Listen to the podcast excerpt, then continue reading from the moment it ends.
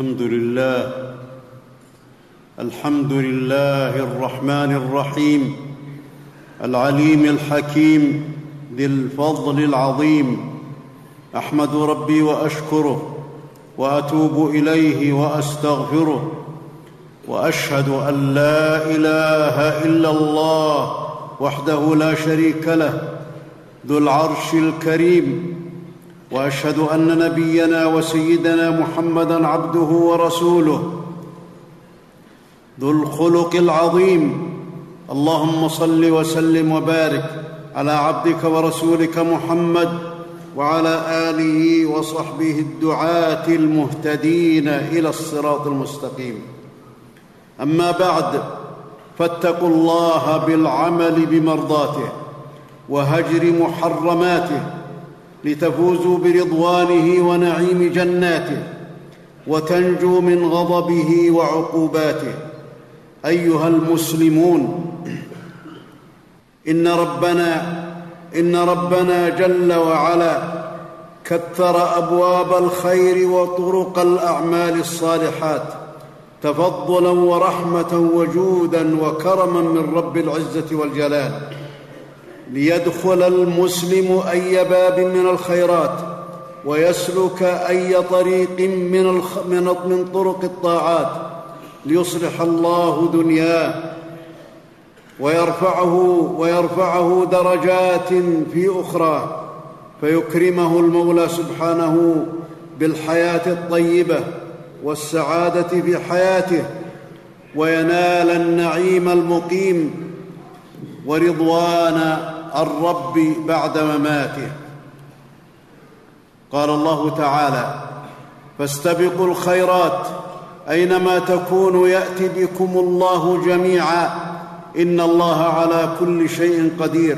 وقال سبحانه عن الأنبياء قدوة الناس صلى الله وسلم عليهم أجمعين. إنهم كانوا يسارعون في الخيرات. ويدعوننا رغبا ورهبا وكانوا لنا خاشعين. وقال النبي صلى الله عليه وسلم لمعاذ رضي الله عنه ألا أدلك على أبواب الخير؟ الصوم جنة والصدقة تطفئ الخطيئة كما يطفئ الماء النار وصلاة الرجل في جوف الليل ثم تلا تتجافى جنوبهم عن المضاجع. يدعون ربهم خوفا وطمعا ومما رزقناهم ينفقون. فلا تعلم نفس ما أخفي لهم من قرة أعين جزاء بما كانوا يعملون. ثم قال ألا أخبرك برأس الأمر وعموده وذروة سنامه؟ قلت بلى يا رسول الله. قال رأس الأمر الإسلام وعموده الصلاة وذروة سنامه الجهاد في سبيل الله. رواه الترمذي وصححه.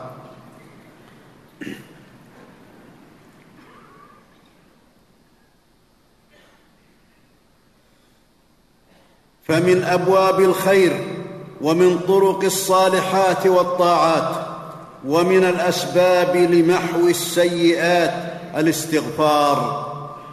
فالاستغفار سنة الأنبياء والمرسلين عليهم الصلاة والسلام. قال الله تعالى عن أبوي البشر صلوات الله ورحمته وبركاته عليهما. قال ربنا ظلمنا أنفسنا وإن لم تغفر لنا وترحمنا لنكونن من الخاسرين. وقال عن نوح عليه السلام رب اغفر لي ولوالدي ولمن دخل بيتي مؤمنا وللمؤمنين والمؤمنات. وقال عز وجل عن الخليل عليه السلام رب اغفر لي ولوالدي وللمؤمنين يوم يقوم الحساب.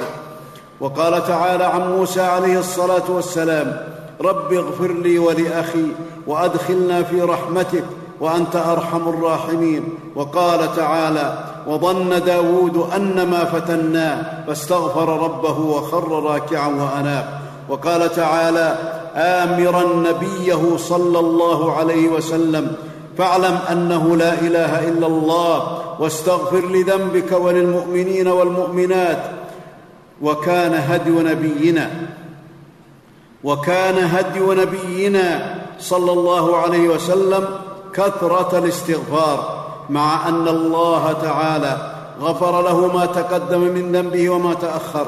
فعن ابن عمر رضي الله عنهما قال كنا نعد كنا نعد لرسول الله صلى الله عليه وسلم في المجلس الواحد مائه مرة رب اغفر لي وتب علي إنك أنت التواب الرحيم. رواه أبو داود والترمذي وقال حديث حسن صحيح.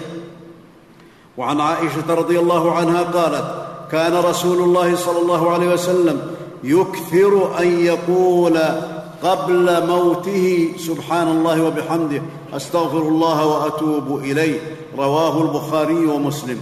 وعن أبي هريرة رضي الله عنه قال لم ار أحدا أكثر أن يقول لم ار أحدا أكثر أن يقول أستغفر الله وأتوب إليه من رسول الله صلى الله عليه وسلم رواه النسائي.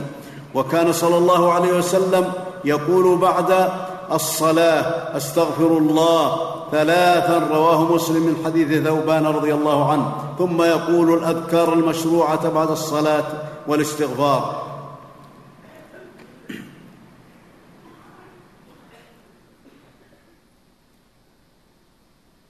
والاستغفار دأب الصالحين. الاستغفار دأب الصالحين. وعمل الأبرار المتقين.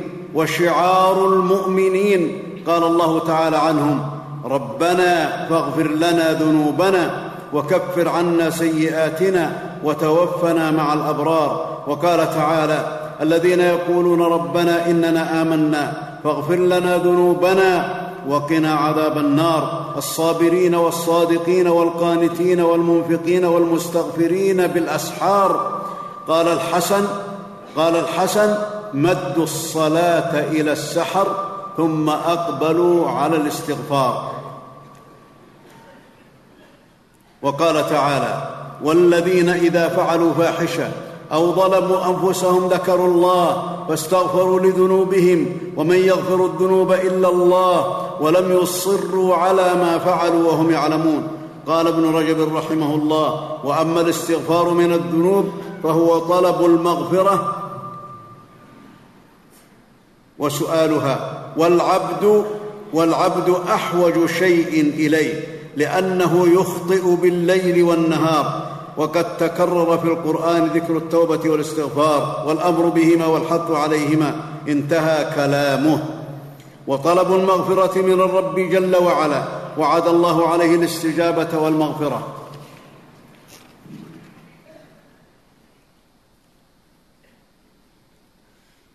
ويشرع ويشرع أن يطلب العبد المغفرة للذنب المعين. لقول النبي صلى الله عليه وسلم إن عبدا أذنب ذنبا. فقال يا رب إني عملت ذنبا فاغفر لي. فقال الله علم عبدي أن له ربا يغفر الذنب ويأخذ به. قد غفرت لعبدي. رواه البخاري ومسلم. من حديث أبي هريرة رضي الله عنه كما يشرع كما يشرع أن يطلب العبد المغفرة مطلقا. فيقول رب اغفر لي وارحمني. قال الله تعالى وقل رب اغفر وارحم وأنت خير الراحمين. وكان النبي صلى الله عليه وسلم يعل وكان النبي صلى الله عليه وسلم يعلم الرجل إذا أسلم أن يدعو بهذه الكلمات. اللهم اغفر لي وارحمني واهدني وعافني وارزقني. رواه مسلم من حديث طارق بن من حديث طارق بن أشيم رضي الله عنه. كما يشرع للعبد كما يشرع للعبد أن يطلب من ربه سبحانه مغفرة ذنوبه كلها ما علم منها وما لم يعلم. فإن كثيرا من الذنوب لا يعلمها إلا الله والعبد مؤاخذ بها. عن أبي موسى الأشعري رضي الله عنه عن النبي صلى الله عليه وسلم أنه كان يدعو بهذا الدعاء اللهم اغفر لي خطيئتي وجهلي وإسرافي في أمري وما أنت أعلم به مني. اللهم اغفر لي جدي وهزلي وخطئي وعمدي وكل ذلك عندي. اللهم اغفر لي ما قدمت وما أخرت وما أسررت وما أعلنت وما أنت أعلم به مني. أنت المقدم وأنت المؤخر وأنت على كل شيء قدير. رواه البخاري ومسلم. ولقول النبي صلى الله عليه وسلم الشرك في هذه الأمة أخفى من دبيب النمل. فقال أبو بكر رضي الله عنه فكيف الخلاص منه يا رسول الله؟ قال أن تقول اللهم إني أعوذ بك أن أشرك بك شيئا وأنا أعلم وأستغفرك من الذنب الذي لا أعلم. رواه ابن حبان من حديث أبي بكر ومن حديث أبي بكر رضي الله عنه واحمد وأحمد من حديث أبي موسى. وعن أبي هريرة رضي الله عنه عن النبي صلى الله عليه وسلم أنه كان يدعو اللهم اغفر لي ذنبي كله اللهم اغفر لي ذنبي كله دقه وجل وجله خطأه وعمده سره وعلانيته أوله وآخره رواه مسلم وأبو داود.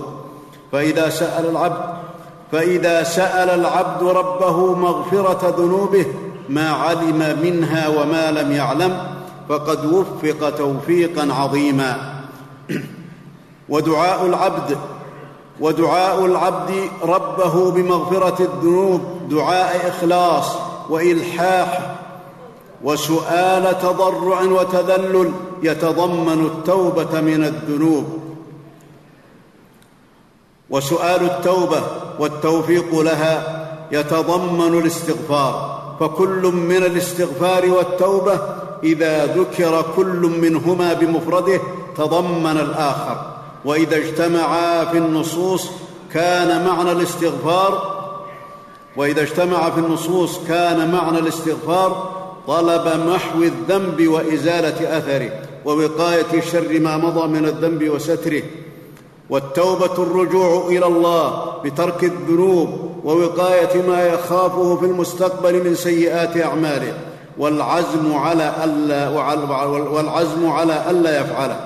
وقد جمع بين الاستغفار والتوبة قوله تعالى وأن استغفروا ربكم ثم توبوا إليه يمتعكم متاعا حسنا إلى أجل مسمى ويؤتي كل ذي فضل فضله.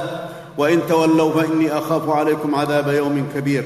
وغير ذلك من الآيات. وقال النبي صلى الله عليه وسلم يا أيها الناس توبوا إلى ربكم واستغفروه فإني أتوب إليه وأستغفره كل يوم مائه مرة. رواه النسائي من حديث الأغر المزني رضي الله عنه. والعبد والعبد محتاج إلى الاستغفار دائما أشد الحاجة ولا سيما في هذا الزمان لكثرة الذنوب والفتن ليوفقه الله في حياته وبعد مماته ويصلح شأنه. فالاستغفار فالاستغفار باب خيرات ودافع شرور وعقوبات. والأمة والأمة بحاجة شديدة إلى دوام الاستغفار ليرفع الله عن الأمة العقوبات النازلة ويدفع العقوبات المستقبلة. ولا يزهد في الاستغفار إلا من جهل منافعه وبركاته. وقد استفاض بفضائله القرآن والسنة قال الله تعالى عن صالح عليه السلام قال يا قوم لم تستعجلون بالسيئة قبل الحسنة؟ لولا تستغفرون الله لعلكم ترحمون. فبالاستغفار ترحم الأمة. وقال تعالى عن نوح عليه الصلاة والسلام فقلت استغفروا ربكم إنه كان غفارا. يرسل السماء عليكم مدرارا ويمددكم بأموال وبنين ويجعل لكم جنات ويجعل لكم أنهارا. وقال تعالى عن هود عليه السلام ويا قوم استغفروا ربكم ثم توبوا إليه. يرسل السماء عليكم مدرارا ويزدكم قوة إلى قوتكم ولا تتولوا مجرمين. وقال تعالى وما كان الله ليعذبهم وأنت فيهم وما كان الله معذبهم وهم يستغفرون. قال أبو موسى رضي الله عنه كان فيكم أمانان. فأما النبي صلى الله عليه وسلم فقد مضى. والاستغفار باق فيكم إلى يوم القيامة. فكثرة استغفار الأمة رافع ما نزل ووقع. ودافع ما سينزل لأنه ما نزل بلاء إلا بذنب. وما رفع إلا بتوبة واستغفار. وعن ابن عباس رضي الله عنهما قال قال رسول الله صلى الله عليه وسلم من لزم الاستغفار جعل الله له من كل ضيق مخرجا ومن كل هم فرجا ورزقه من حيث لا يحتسب رواه أبو داود. وقد ورد وقد ورد عن النبي صلى الله عليه وسلم كلمات محفوظة مباركة في الاستغفار. ففي قولها الثواب العظيم من ذلك قوله صلى الله عليه وسلم من قال أستغفر الله الذي لا إله إلا هو الحي القيوم وأتوب إليه غفرت ذنوبه وإن كان قد فر من الزحف. رواه أبو داود والترمذي والحاكم وقال صحيح وقال حديث صحيح على شرط البخاري ومسلم. وعن أبي سعيد الخدري عن النبي صلى الله عليه وسلم أنه قال من قال حين يأوي إلى فراشه أستغفر الله الذي لا إله إلا هو الحي القيوم وأتوب إليه ثلاث مرات. غفرت غفر الله له ذنوبه وإن كانت مثل زبد البحر. رواه الترمذي. وعن عبادة بن الصامت رضي الله عنه قال قال النبي صلى الله عليه وسلم من تعار من الليل يعني استيقظ فقال لا إله إلا الله وحده لا شريك له له الملك وله الحمد وهو على كل شيء قدير. سبحان الله والحمد لله ولا إله إلا الله والله أكبر ولا حول ولا قوة إلا بالله. اللهم اغفر لي فدعا استجيب له فإن صلى قبلت صلاته. رواه البخاري. وفي الحديث أيضا من قال وفي الحديث أيضا من قال قبل فجر يوم الجمعة أستغفر الله الذي لا إله إلا هو الحي القيوم وأتوب إليه ثلاثا غفرت ذنوبه وإن كانت مثل زبد البحر. وعن شداد بن أوس رضي الله عنه عن النبي صلى الله عليه وسلم قال سيد, سيد الاستغفار أن يقول العبد اللهم أنت ربي لا إله إلا أنت خلقتني وأنا عبدك وأنا على عهدك وعدك ما استطعت أعوذ بك من شر ما صنعت أبوء لك بنعمتك علي وأبوء بذنبي فاغفر لي فإنه لا يغفر الذنوب إلا أنت. من قالها في النهار موقنا بها فمات من يومه قبل أن يمسي دخل الجنة. ومن قالها من الليل وهو موقن بها فمات قبل أن يصبح فهو من أهل الجنة. رواه البخاري.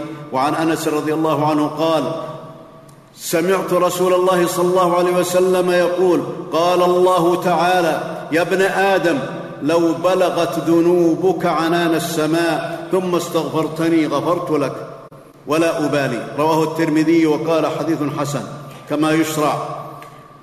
كما يشرع الاستغفار كما يشرع الاستغفار عند القيام بالطاعة وبعدها لجبران ما كان فيها من نقص.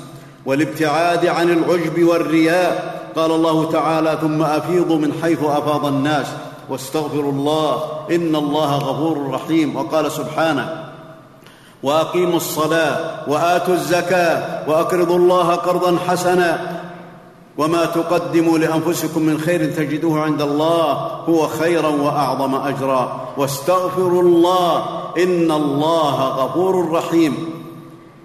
فأمر بالاستغفار مع هذه الطاعات وبعدها. كما يشرع كما يشرع أن يستغفر المسلم للمؤمنين والمؤمنات والمسلمين والمسلمات الأحياء منهم والأموات. إحسانا وحبا وسلامة صدر ونفعا للمسلمين وشفاعة لهم عند الله. قال الله تعالى والذين جاءوا من بعدهم يقولون ربنا اغفر لنا ولإخواننا الذين سبقونا بالإيمان. ولا تجعل في قلوبنا غلا للذين, آمنوا. ربنا إنك رؤوف رحيم. وعن عبادة وعن عبادة بن الصامت عن النبي صلى الله عليه وسلم أنه قال من استغفر للمؤمنين والمؤمنات كتب الله له بكل مؤمن ومؤمنة حسنة. قال الهيثمي إسناده جيد. وهذا وهذا كالاستغفار لهم في الجنائز والاستغفار لهم في المقبرة إذا زارهم واقتداء بحملة العرش والمقربين. قال الله تعالى الذين يحملون العرش ومن حوله يسبحون بحمد ربهم ويؤمنون به ويستغفرون للذين آمنوا. ربنا وسعت كل شيء رحمة وعلما فاغفر للذين تابوا واتبعوا سبيلك وقهم عذاب الجحيم. وهذا من أعظم النصح والمحبة للمؤمنين. عباد الله استجيبوا لأمر ربكم. استجيبوا لأمر ربكم. قال الله تعالى في الحديث القدسي يا عبادي إنكم تخطئون بالليل والنهار وأنا أغفر الذنوب جميعا فاستغفروني أغفر لكم. رواه مسلم من حديث أبي ذر فأقبلوا فأقبلوا على ربكم بالاستغفار. تروا كرمه وجوده وفضله وبركاته. وتجدوا محو السيئات ورفع الدرجات. عن أبي هريرة رضي الله عنه قال قال رسول الله صلى الله عليه وسلم والذي نفسي بيده لو لم تذنبوا لذهب الله تعالى بكم ولجاء بقوم يذنبون فيستغفرون الله فيغفر لهم. رواه مسلم. لأنه جل وعلا واسع المغفرة جواد كريم يحب أن يسأل ويدعى. قال الله تعالى ومن يعمل سوءا أو يظلم نفسه ثم يستغفر الله يجد الله غفورا رحيما. بارك الله لي ولكم في القرآن العظيم ونفعني وإياكم بما فيه من الآيات والذكر الحكيم ونفعنا بهدي سيد المرسلين وقوله القوي. أقول قولي هذا وأستغفر الله لي ولكم والمسلمين فاستغفروه إنه هو الغفور الرحيم. الحمد لله غافر الذنب وقابل التوب شديد العقاب للطول لا إله إلا هو إليه المصير. أحمد ربي وأشكره على فضله الكبير وأشهد أن لا إله إلا الله وحده لا شريك له العليم القدير. وأشهد أن نبينا وسيدنا محمدا عبده ورسوله البشير النذير والسراج المنير. اللهم صل وسلم وبارك على عبدك ورسولك محمد وعلى آله وصحبه أجمعين. أما بعد فاتقوا ربكم وأخلصوا له الطاعات واحذروا بطشه وعذابه. أيها المسلمون احذروا الفتن احذروا الفتن على الشباب فإنها تضر الدين والدنيا وتوبق العبد في الآخرة. وتفسد المعاش في الحياة فالسعيد من جنب الفتن ما ظهر منها وما بطن. وأعظم فتنة أن يلتبس على المرء الحق والباطل والهدى والضلال والمعروف والمنكر والحلال والحرام. وقد خبطت البلاد وقد خبطت البلاد والعباد فتن كثيرة اختطفت بعض شباب المسلمين من محاضنهم الآمنة ومحيطهم الحصين ومجتمعهم الحاني وأقربائهم الناصحين لهم إلى انحراف في الفكر الضال واتباع وموالاة لخوارج العصر. فقادهم خوارج العصر إلى تكفير المسلمين وسفك الدم المعصوم بل أفتوهم بتفجير أنفسهم وقتلها والعياذ بالله. وهل يظن وهل يظن من يفجر نفسه أن ذلك سبب لدخول الجنة؟ أما علم أن قاتل نفسه في النار؟ أما سمع أو قرأ قول الله تعالى ولا تقتلوا أنفسكم إن الله كان بكم رحيما. ومن يفعل ذلك عدوانا وظلما فسوف نصليه نارا وكان ذلك على الله يسيرا. وفي الحديث قاتل نفسه في النار. وهل يظن من قتل مسلما أن قتله سبب لدخول الجنة؟ أما علم أن قتل المسلم يخلد صاحبه في النار؟ أما سمع أو قرأ قول الله تعالى ومن يقتل مؤمنا متعمدا فجزاؤه جهنم خالدا فيها وغضب الله عليه ولعنه وأعد له عذابا عظيما. أما بلغه قول النبي صلى الله عليه وسلم من قتل معاهدا لم يرح رائحة الجنة. أما يعتبر أما يعتبر هؤلاء بما مضى من أمثالهم الذين تعدوا حدود الله فندموا حيث لا تنفع الندامة. ولم ينفعهم الذين غروهم. من يأمرك من يأمرك بالتفجير لنفسك فقل له يفجر نفسه هو ولن يفعل أبدا لأنه يريد أن يلقيك في النار ويحارب بك المسلمين ويزعزع بك الأمن وينشر بك الفوضى وينشر بك الإفساد ويسفك بك الدماء المعصومة ويجعلك خارجا على جماعة المسلمين وإمامهم. والنبي صلى الله عليه وسلم قال من خرج من الطاعة.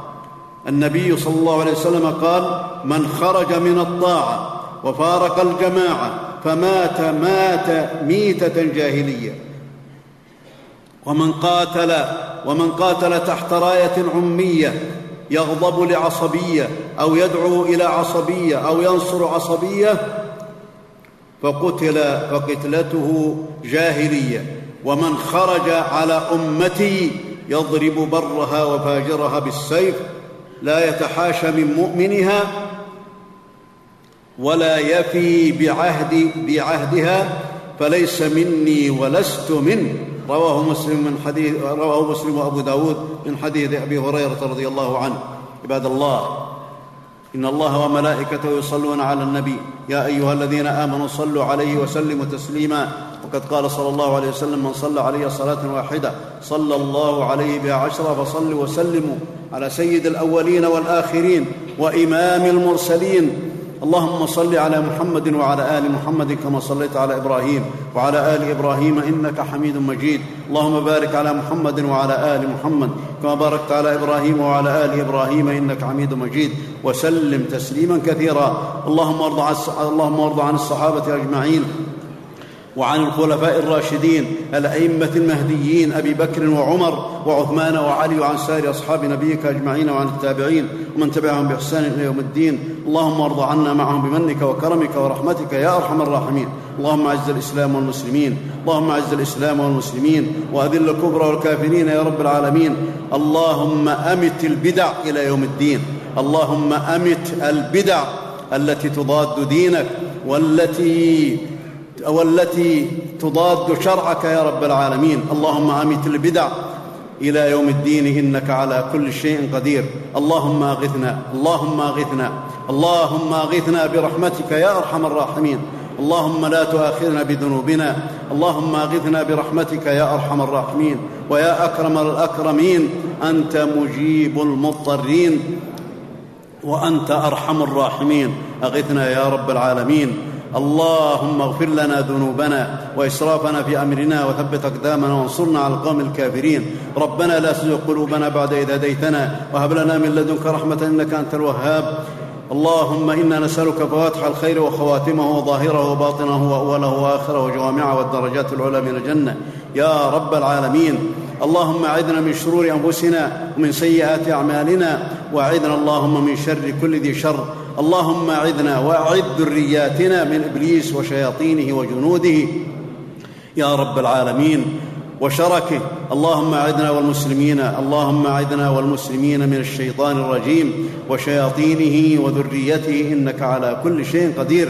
اللهم ألف بين قلوب المسلمين وأصلح ذات بينهم. اللهم ارفع ما نزل من على المسلمين من البلاء. اللهم ارفع ما نزل عن على المسلمين من البلاء. اللهم عليك بالظالمين. الجبارين الذين ظلموا المسلمين يا رب العالمين وشردوهم من ديارهم. يا ذا الجلال والإكرام. اللهم عليك بهم. اللهم إن المسلمين في ضعف ولا حول ولا قوة إلا بك يا رب العالمين. اللهم عليك بمن آذى المسلمين في دينهم اللهم عليك بمن آذى المسلمين وضرهم في دينهم ودنياهم إنك على كل شيء قدير. اللهم هيئ لنا والمسلمين من أمرنا رشدا وتب علينا إنك أنت التواب الرحيم. يا أرحم الراحمين. اللهم اللهم وفق عبدك خادم الحرمين الشريفين لما تحب وترضى. اللهم وفقه لهداك واجعل عمله في رضاك وأعنه على كل خير وانصر به دينك يا ذا الجلال والإكرام. اللهم انصر به دينك اللهم احفظ جنودنا المرابطين. يا رب العالمين اللهم احفظهم من شر الأعداء وانصرهم على الأعداء. يا رب العالمين إنك على كل شيء قدير. اللهم آمنا في اوطاننا وأصلح اللهم ولاة أمورنا. اللهم آمنا في دورنا وأصلح ولاة أمورنا. يا أرحم الراحمين. اللهم اغفر للمسلمين والمسلمات والمؤمنين والمؤمنات الأحياء منهم والأموات. يا رب العالمين ربنا آتنا في الدنيا حسنة وفي الآخرة حسنة وقنا عذاب النار. عباد الله إن الله يأمر بالعدل والإحسان وإيتاء ذي القربى وينهى عن الفحشاء والمنكر والبغي يعظكم لعلكم تذكرون. وأوفوا بعهد الله إذا عاهدتم ولا تنقضوا الأيمان بعد توكيدها وقد جعلتم الله عليكم كفيلا إن الله يعلم ما تفعلون واذكروا الله العظيم الجليل يذكركم واشكروه على نعمه يزدكم ولذكر الله أكبر والله يعلم ما تصنعون